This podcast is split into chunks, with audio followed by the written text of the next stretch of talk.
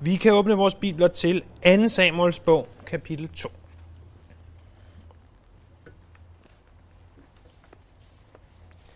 Jeg antager, at de fleste af os, hvis ikke os alle, der er her til stede, vi er her, fordi vi ønsker at se Guds rige komme. Vi ønsker at se Guds rige blive mægtigere på den her jord, mægtigere i blandt os, både i os selv og i andre mennesker. Øh, det er min antagelse. Hvis du er her og ønsker at se Guds rige blive større, så vil du opleve, at vi her i kapitel 2 af 2. Samuels bog ser, at Davids rige bliver større. David, som var Guds konge, hans rige bliver større, hans rige bliver mægtigere. Men vi vil samtidig se seks forskellige principper, der viser os og lærer os noget om, hvad det vil sige at vokse i Guds rige. Noget om, hvad det vil sige, at Guds rige bliver større, og hvad det er, der sker, og hvorfor det er, det nogle gange ikke er så nemt, som vi går og tror.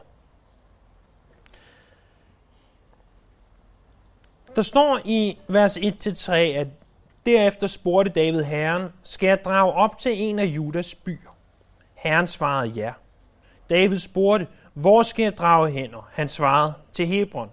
Så drog David op sammen med sine to hustruer, Akinoam fra Jeseriel og Abigail, der havde været gift med Nabal fra Karm. Desuden tog han de mænd med, der havde fulgt ham, hver med sin husstand, og de bosatte sig i byerne omkring Hebron. Måske kender du situationen. Vi skal samle et IKEA-skab. Et af de her skabe med, med tusind forskellige dele og endnu flere skruer. Og, og vi går i gang. Og, og det går nogenlunde, synes vi. Og, og vi skruer lidt, og vi hamrer lidt, og, og vi gør lidt forskellige ting, som man nu skal med et IKEA-skab. Så går det galt. Alt går galt. Lågen sidder omvendt på, så håndtaget er indad. Øh, lågen kommer endda til at stå ind imod væggen, og øh, bunden er i toppen, og alt er bare gået galt. Og, og vi tænker, okay, hvad sker der? Og, og vi kan simpelthen ikke, vi prøver at læse deres ellers så gode vejledning, og, og vi tænker, hvad skal vi gøre? Så er det, at du kommer i tanke om, at du jo kan bede for det her. Så du sætter dig ned og siger, Gud, ved du hvad, jeg ved godt, at det er IKEA, og det er svensk, men vil du ikke nok velsigne det så meget, som, som du nu kan? Hjælp mig til at få styr på det her irriterende IKEA-skab, så jeg kan få det lavet. I løbet af en time, så oplever du, at du får visdommen til det, og evnerne til det, og pludselig står skabet der, som det skal. Men så er det, du tænker, hvorfor i alverden var det, jeg først bad, da jeg havde brugt 3, 4, 5, 7 timer på at forsøge at samle det her IKEA-skab. Og fejlede. På det tidspunkt, hvor det vil give mere mening at ringe til en øh, akut krise nødhjælpslinje, end det ville have givet at ringe til IKEAs egen øh, rådgivning om, hvordan jeg skulle samle skabet. Hvorfor er det, jeg venter med at bede, til tingene er gået galt? David befandt sig i en situation, hvor han adskillige gange først havde bedt, når tingene var gået galt. Han ønskede ikke at gentage den fejl. Så i det, at David befinder sig i en ny situation i sit liv, nemlig at han forgænger, så at sige, Saul er død, og der er behov for en ny konge i Israel, og David, han er den salvede konge, som skal være konge over Israel. Han befinder sig i den situation. Så i stedet for at vente til det hele er gået galt med at bede, så indleder han med at bede. Han beder til Herren, og Herren spørger han, hvor skal jeg drage hen? Og Herren siger, at du skal drage til Hebron. Øh, vi kan godt få kortet op nu. Der er rigtig, rigtig mange stednavne i det her kapitel, og uden øh, et kort, så øh, vil vi øh, forsvinde i alle de her stednavne. Så David, han befandt sig hernede i Filisterland, og spørger Herren, hvor skal jeg drage hen? Han siger ikke hvor som helst, men hvor i Juda skal jeg drage hen? Juda værende det her område, og Herren siger, drage til Hebron. Hebron var en af de allerhøjst beliggende byer over havet, altså cirka 1000 meter over havet, det vil sige, at den var nem at forsvare. Der var, øh, der var godt med vand, der var god agerjord, hvor der kunne dyrkes. Det var sådan de, de praktiske ting omkring Hebron. Men der var også mange andre ting, eller i specielt nogle andre ting, som, som var vigtige ved den her by. Det var der, hvor Abraham tilbage i 1. Mosebog kapitel 13, vers 18 havde boet. Det var også den by, som Davids stamfader Kaleb fik. Kaleb var fra Judas stamme, og i Jossebogen lærer vi, at Kaleb han fik den her by. Så når Gud siger, at du skal drage til Hebron, så er det, som han siger til ham, du får et sted, der er, der er strategisk godt. Du får et sted, hvor man kan få mad, men du får også et sted, hvor de løfter, jeg gav til din far Abraham og til din far Caleb, det er også løfter, som jeg står ved over for dig, David. Og David han får det svar, som han ønsker. Øh, han får at vide, hvor han skal drage hen. Han skal drage til Hebron øh, i Juda, og derfra kommer han til at regere øh, de næste syv og et halvt år, får vi senere at vide. David han gjorde det helt rigtigt, og her kommer det første princip, hvis vi ønsker at se Guds riges komme, og vi kan bare beholde kortet derop. Det er ganske fint, vi kommer til at bruge det mange gange endnu. Han gjorde det helt rigtigt, hvis han ønsker at se Guds riges komme, nemlig at vi må bede, før vi handler. Vi må bede, før vi handler. Bibelen siger, stol på Herren af hele dit hjerte og støt dig ikke til din egen indsigt. Men hav ham i tankerne på alle dine veje, så vil han jævne dine stier. Det står i ordsprogene kapitel 3, vers 5 og 6. Derudover så er der øh, en mand, der for 300-400 år siden sagde, at øh, vi kan gøre meget efter vi har bedt, men vi kan ikke gøre noget som helst før vi har bedt. Du kan gøre meget efter du har bedt, men du kan ikke gøre noget af vedvarende værdi, før efter du har bedt. Og det var David begyndt at forstå. At min regeringstid begynder nu. Og jeg må begynde den med at bede. Hvis du ønsker at se Guds rige komme, altså se flere mennesker blive omvendt, se dig selv vokse i ham, så bed før du handler, og så handle bagefter.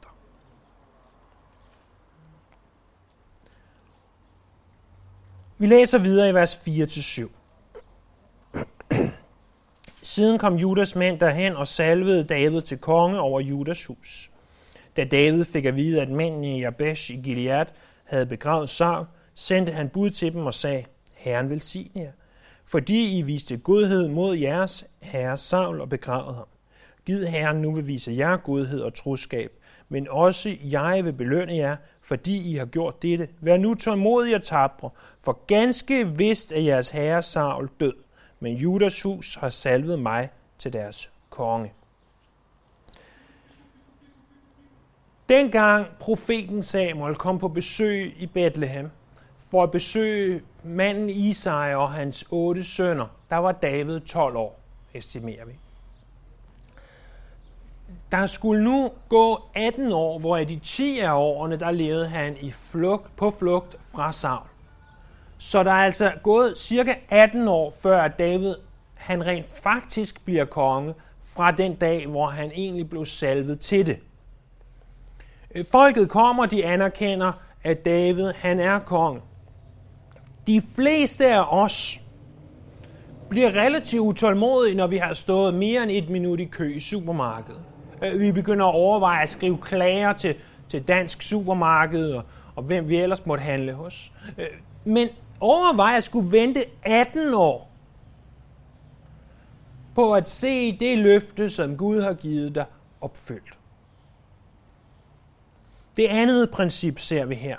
Hvis du ønsker at se Guds riges komme, så må vi lære tålmodighed, for Guds rige kan tage lang tid, før det kommer tålmodighed. Eh, vi ser også, at David han velsigner indbyggerne i Jabesh i Gilead. Jabesh i Gilead lå helt heroppe nordpå, over på den anden side af Jordanfloden. Eh, det var et sted, som havde hjulpet Saul i det, at Saul han var, var død, og de så havde taget hans døde læme ned fra Betjans mur og taget tilbage til Jabesh Gilead og givet ham det, der, der mindede om en begravelse. Bemærk, hvad David gjorde. Han tog mennesker, der havde hjulpet Davids fjende, Saul, og han velsignede dem. Kan I se en forandring, der er begyndt at ske i David? En forandring til at, at velsigne dem, der forfølger ham. Til, at, til velsignelse over for, for selv dem, der hjalp hans fjender. Den anden halvdel af kapitlet, her fra vers 8 og kapitlet ud, den handler om den borgerkrig, der bryder ud i Israel. I vers 8-11 læser vi, at Abner, Ners søn, som havde været Sauls herrefører, havde taget Sauls søn Isboshet og bragt ham over til Mahanaim, og havde gjort ham til konge over Gilead, Asheritterne i Seriel, Ephraim, Benjamin, altså over hele Israel. Sauls søn Isboshet var 40 år, da han blev konge over Israel, og han regerede to år. Kun Judas hus sluttede sig til David, og den tid David var konge i Hebron over Judas hus, øh, var syv år og seks måneder. Abner, vi har mødt ham en enkelt gang før. Han var, øh, han var Sauls herrefører. Han var øh, også i familie med Saul. Og han ser, at Saul er død, og han tænker, nu kan jeg skaffe mig magt.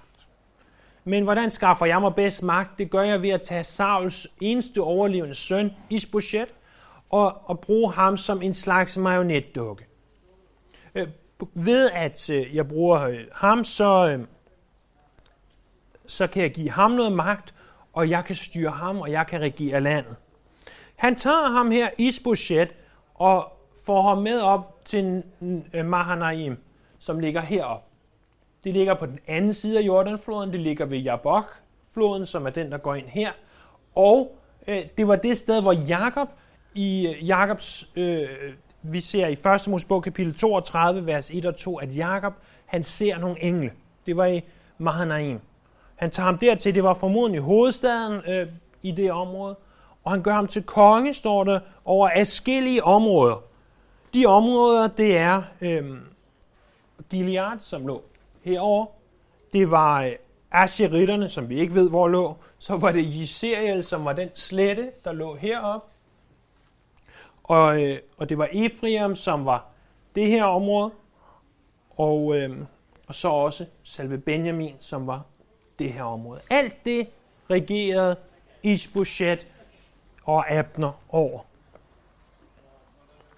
Vi ser en interessant pointe, fordi hvis, hvis vi kigger på det her kort og ser, at der var Gilead, der var princippet hele det her område, så ser vi Juda, som ganske vist ser stort ud, men når du når hertil på kortet lige syd for Hebron, så er der ørken. Hvis du sammenligner de to områder, og, og sammenligner de to konger, så ser vi en interessant pointe.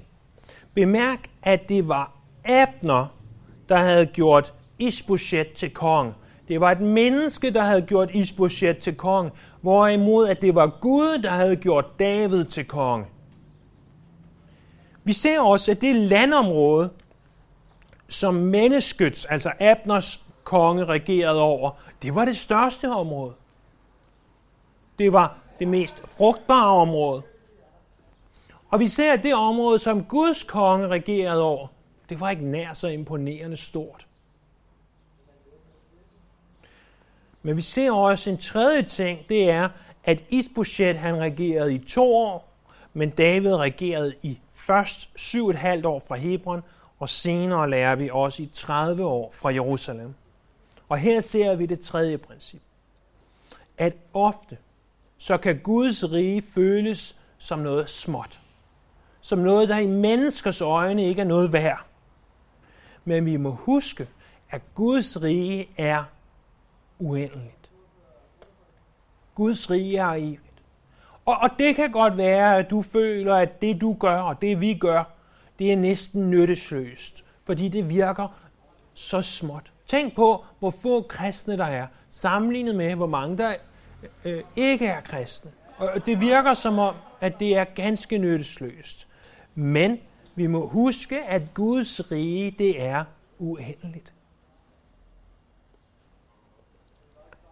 Så vi har altså de her to konger, Isbosjet på den ene side, og David på den anden side.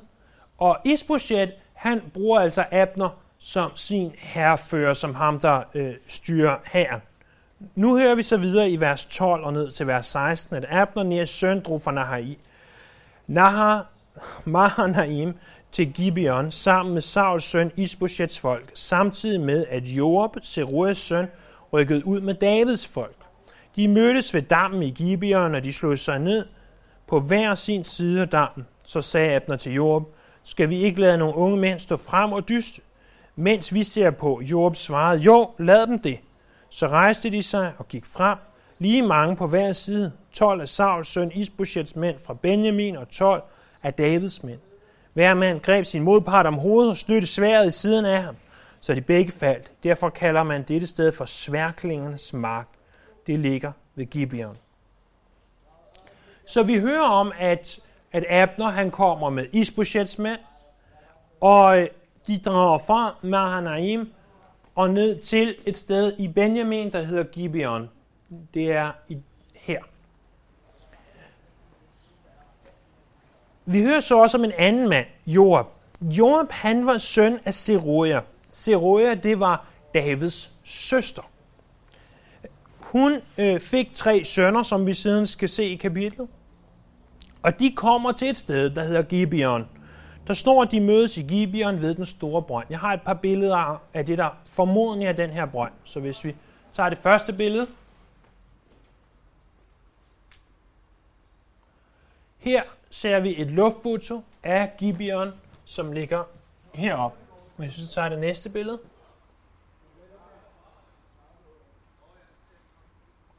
Her ser vi øh, skagt ned i brønden, hvor der går de her trapper, der går ned sådan her i en brønd, der er øh, cirka 12 meter i diameter og cirka 25 meter dyb. Når man kom ned i bunden af brønden, så var der en øh, skagt ind, til, øh, som gik ind til en kilde, hvor i, at de så hentede vand, og så gik op igen og, og tog deres vand, de skulle bruge. Så det sidste billede,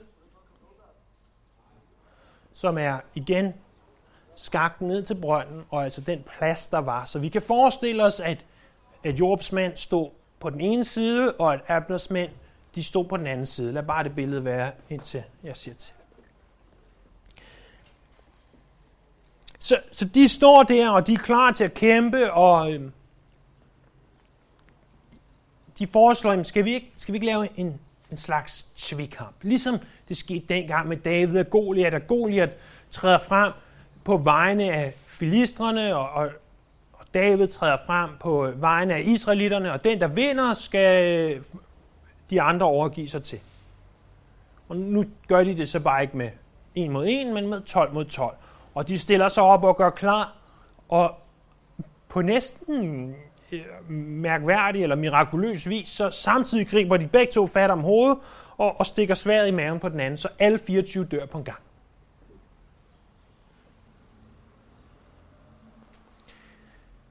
Det, som vi lærer ud af det her, det er, at, og, og det er den fjerde øh, ting det her, det er, at når mennesker ønsker, at deres rige skal komme, så vil det ultimativt ende i død. Når mennesker ønsker, at deres rige skal komme, så vil det ultimativt ende i død. I øvrigt kan jeg som bonusinformation sige, at man estimerer, at de fjernede 3.000 ton limsten for at grave den der brønd. Det er mere, end jeg lige kan forstå. Lad os øh, bare gå tilbage til kortet igen op på skærmen. Vi læser videre i vers 17. Hvad der så sker efter den her øh, tvekamp. Kampen blev meget hård den dag, og Abner og israelitterne blev slået af Davids folk. Seruas tre sønner var med, Joab, Abishai og Asal, og Asal var rapfod, som en af steppens gazeller. Han satte efter Abner og drejede hverken af til højre eller til venstre, men holdt sig lige i hælene på ham. Da vendte Abner sig om og spurgte, er det dig, Asal? Og han svarede ja. Abner opte, drej af enten til højre eller venstre og grib en af de unge mænd og tag hans rustning, mand. Asal ville ikke opgive at forfølge ham. Abner råbte endnu en gang til Asal, hold op med at forfølge mig. Hvorfor skal jeg øh, slå dig til jorden? Hvordan skulle jeg så kunne se din bror Joab i øjnene? Men da han nægtede at stanse, støtte Abner sin spydstage i maven på ham, så spydet kom ud gennem ryggen, og han faldt om og var død på stedet. Alle, der kom til det sted, hvor Asal var faldet død om, stansede op. Lad os stoppe der ved vers 23 et øjeblik.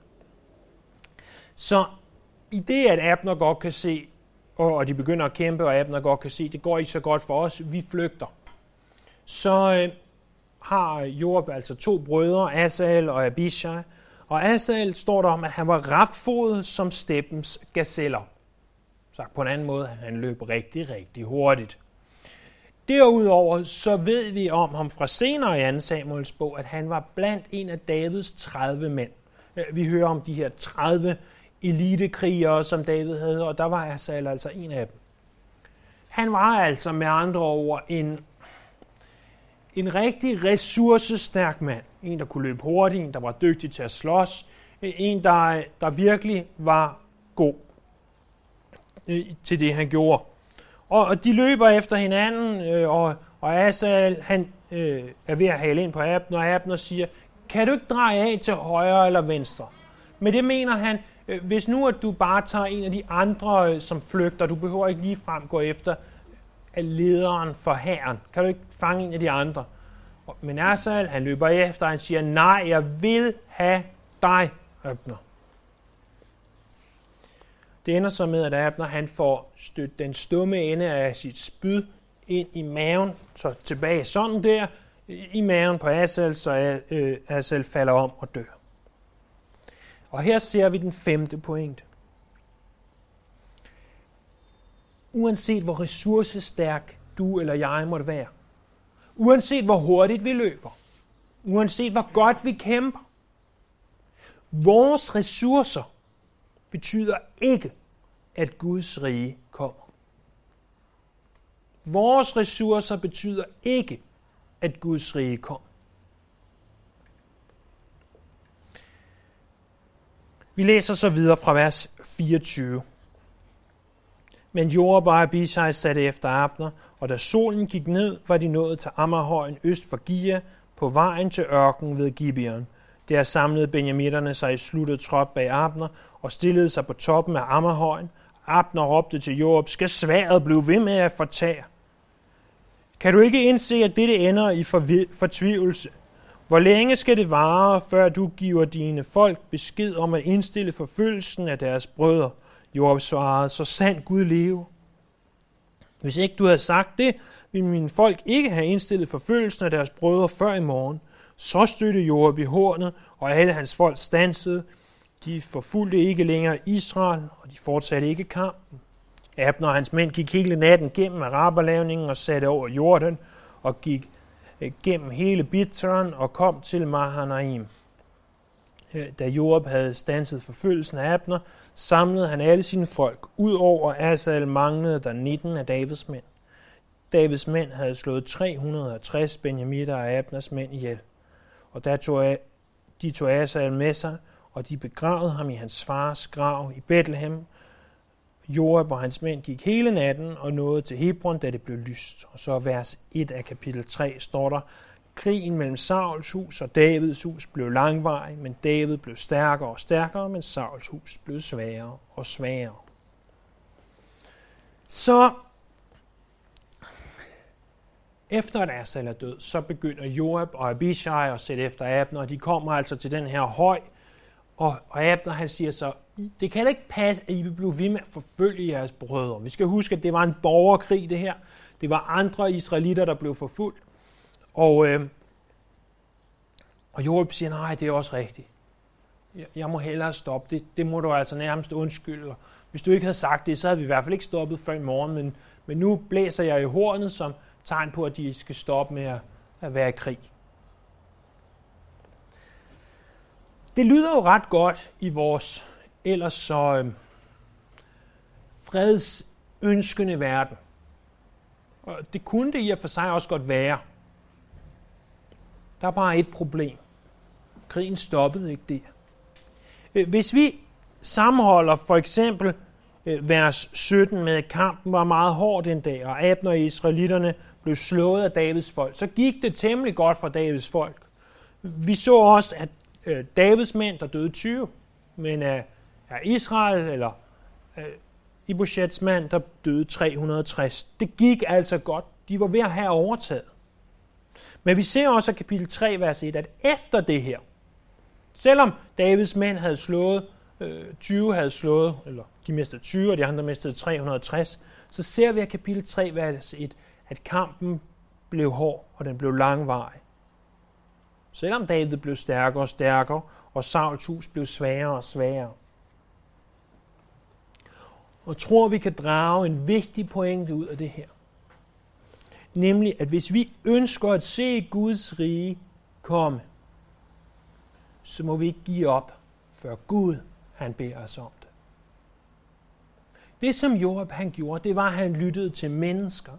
Mennesker, der sagde, du må give op. Du må give op nu. Stop det her vanvid. Giv dog op. Hvor ofte hører vi ikke, giv dog op. Stop dog med at brug så meget tid på kirken. Stop dog med at være kristen. Stop dog med. Men det er først, når Gud siger stop, at vi skal stoppe. Job, han lyttede til mennesker frem for at lytte til Gud. Det gjorde, at kampen blev langvarig. David Gussik kommenterer på det her og siger, jamen, hvis Job havde fortsat, så kunne de muligvis have vundet over Abner og israelitterne den dag, og have sat en stopper for, for den krig, som uundgåeligt vil fortsætte.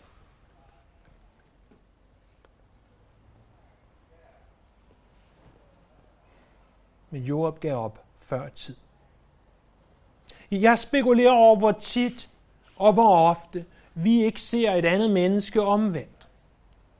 E- eller der er noget, vi virkelig brænder for at se ske, men det ikke sker, fordi vi giver op. Vi giver op i bøn. Vi giver op i at fortælle dem, at Jesus er død og opstået, og han har taget vores synder. Og ved troen på ham kan vi arve evigt liv. Ja, jeg undrer mig over og spekulerer over, hvor tit vi giver op, lige når vi er ved at være ved målstregen. Lad os ikke give op. Lad os ikke drage hjem og tænke, at vi har vundet en lille sejr, når vi kunne have vundet en stor sejr.